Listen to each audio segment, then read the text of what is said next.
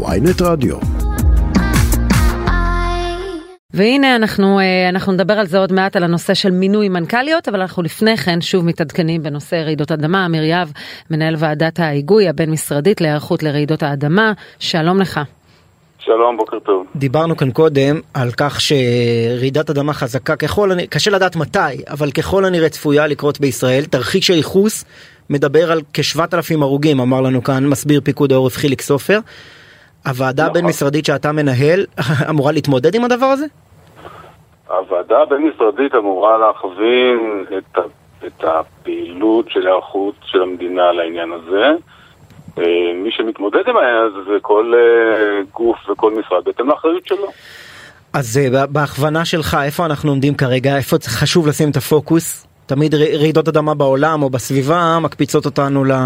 להיזכר בעניין הזה. אז, אז הפוקוס צריך להיות בבת אחת על הכל. מה שכרגע צריך להבין, ואני חושב שזה ברור לכולם, אה, הרעידה עצמה לא הורגת אף אחד. מה שהורג זה הבניינים שקורסים. והמצב שלנו בישראל הוא לא מצב מזהיר בלשון המעטה, וכשאנחנו מסתכלים מה זה אומר. לא מזהיר? לא מזהיר בלשון המעטה. בלשון המעטה. לגמרי. אנחנו נמצאים במצב שיש בערך אה, כ-80 אלף מבנים שנבנו לפני תקן אה, שמחייב רעידות אדמה. זה בניינים שבערך שליש מהאוכלוסייה גרים בהם. רעידה חזקה יכולה בהחלט לעשות נזק גדול מאוד בישראל. רגע, שליש, שליש כזאת, מהאוכלוסייה בישראל גרה במבנים לא מותאמים לרעידות אדמה. זאת- שליש, בהערכה שכשליש מהאוכלוסייה גר במבנים האלה, כן. ואיך נכון ל- ל- להכווין את המערכות כך שיתוקן? כי ראינו, דיברנו על זה לחזק את קודם, המבנים. כן, אבל ראינו שתוכנית תמ"א 38, שכל מטרתה החלה כחיזוק מבנים, היא פעלה בעיקר בגוש דן ואיפה שיש כסף, גם ליזמים וגם לתושבי הבניין ויש תמריץ כלכלי, אבל באיפה שזה הכי נחוץ, בקריית שמונה, בצפת, בטבריה ובבית שאן, זה פחות קורה. אני חושב שצריך להבין פה דבר אחד, רעידת אדמה כזאת חזקה, עוצמתית, כמו שהייתה היום בטורקיה, ויכולה להתרחש סדר גודל דומה גם בישראל, תפגע בכל המדינה, בחלקים גדולים מאוד במדינה, לא רק במה שיש באזור, אה, אה, מה שסמוך לעתק ים המלח או לשבר הסורי-אפריקאי. הנזקים, אנחנו נראה אותם גם בכל מקום שיש בנייה ישנה, שזה גם בתל אביב וגם ביפו וגם בלוד ובכל מקום אחר, לא רק באזורים שסמוכים ל... בהערכת המסוכנות ל- שלכם, איזה אזור בארץ הכי מועד לפורענות? זה, זה שאלה מאוד, שקשה מאוד לענות עליה. בטח לא ברעידה כזאת. אני אומר עוד פעם, המדינה שלנו היא מדינה צרה, ואם לוקחים אירוע כזה ושמים אותו איפשהו באזור, נגיד צפון ים המלח, סתם אני לוקח דוגמה, אז תהיה נרחבת בחלקים גדולים של, ה, של המדינה, גם באזורים שתמ"א 38 רלוונטית וגם באזורים שהיא פחות רלוונטית. לכן תמ"א 38 חשובה לתת מענה באזור שרוב האוכלוסייה גר בו, ולמקומות אחרים, בפריפריה, ששם זה לא רלוונטי, צריך למצוא פתרונות אחרים. אתה תומך בהצעה של משרד השיכון אה, לפ- לפינוי-בינוי בעיקר באזורים האלה? ואני תומך מאוד, גם בהמשך של תמ"א 38, גם בפינוי-בינוי, גם בהתחדשות עירונית וגם בחיזוק אה, ייעודי ובהקצאה של אה, יכולת יהודית לעשות, לעשות חיזוק מבנים שם. אני אשאל ככה, מי מונע, מה מונע, למה אנחנו אה, כל כך הרבה שנים לתוך הפרויקט ועדיין אתה אומר כשליש מאזרחי המדינה חיים בצורה לא, במבנים שלא בנויים לרעידות אדמה? אז, אז מניעה זה, מי מונע זה סיפור אחד, למה אנחנו נמצאים במצב כזה? כי יש הרבה מאוד מבנים ישנים, והרבה מאוד מבנים שנבנו לפני התקן, ולוקח הרבה מאוד זמן לחזק מבנים, או להרוס ולבנות. אבל זה משהו, כל בניין שאנחנו או מחזקים או הורסים ובונים, אנחנו מצילים את החיים של מי שנמצא שם. אני ראיתי למשל פרויקט גדול של חברת עמידר ואני לא מזלזל בו, השקיעו תשעה מיליון שקל וחיזקו מבנים בטבריה. כמה מבנים חוזקו? חמישה. בסוף זה לרוקן את האוקיינוס בכפית ורעידת אדמה תגיע. אה, זה נכון, רעידת אדמה תגיע, זה נכון. וצריך להשקיע יותר בעניין הזה של חיזוק מבנים, או של הריסה ובנייה, וכל נושא של התחדשות עירונית, לח- לחלוטין.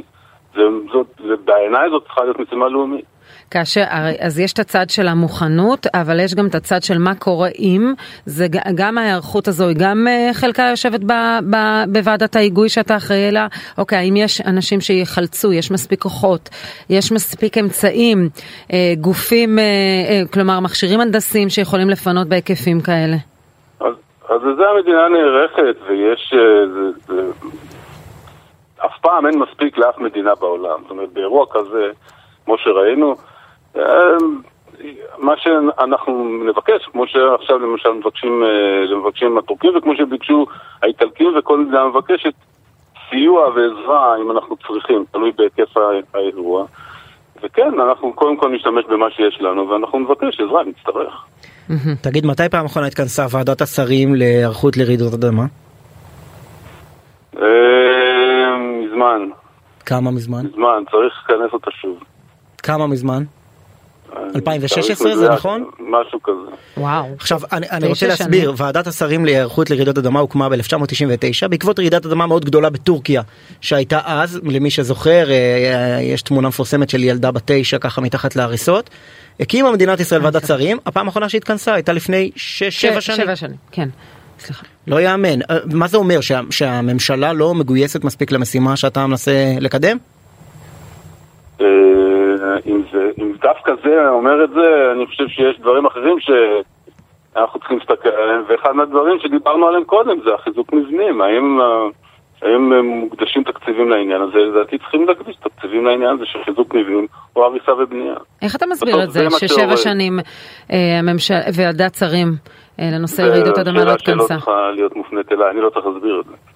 אתה פונה אליהם? אתה מנסה לכנס כזו בוועדה? תראו, התקופה שאנחנו מדברים עליה היא תקופה שהייתה גם ככה, היו הרבה מאוד שינויים אה, של, אה, של שרים, ומפה לשם זה התגלגל בצורה כזאת. טוב, תרים כמה טלפונים, יש לי תחושה שהיום יוכלו לקבוע לך תאריך. יש לי, יש לי בכל זאת, אתה אופטימי ביחס להיערכות של ישראל לרעידות אדמה?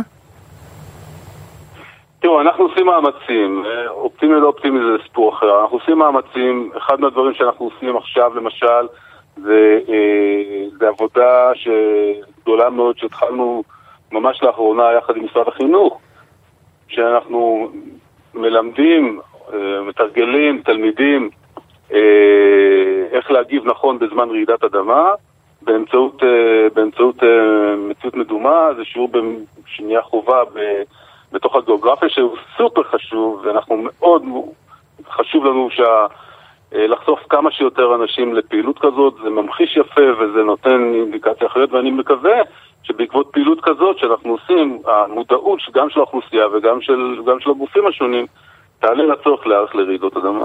אמיר יהב, מנהל ועדת ההיגוי הבין-משרדית להיערכות לרעידות אדמה, תודה רבה לך.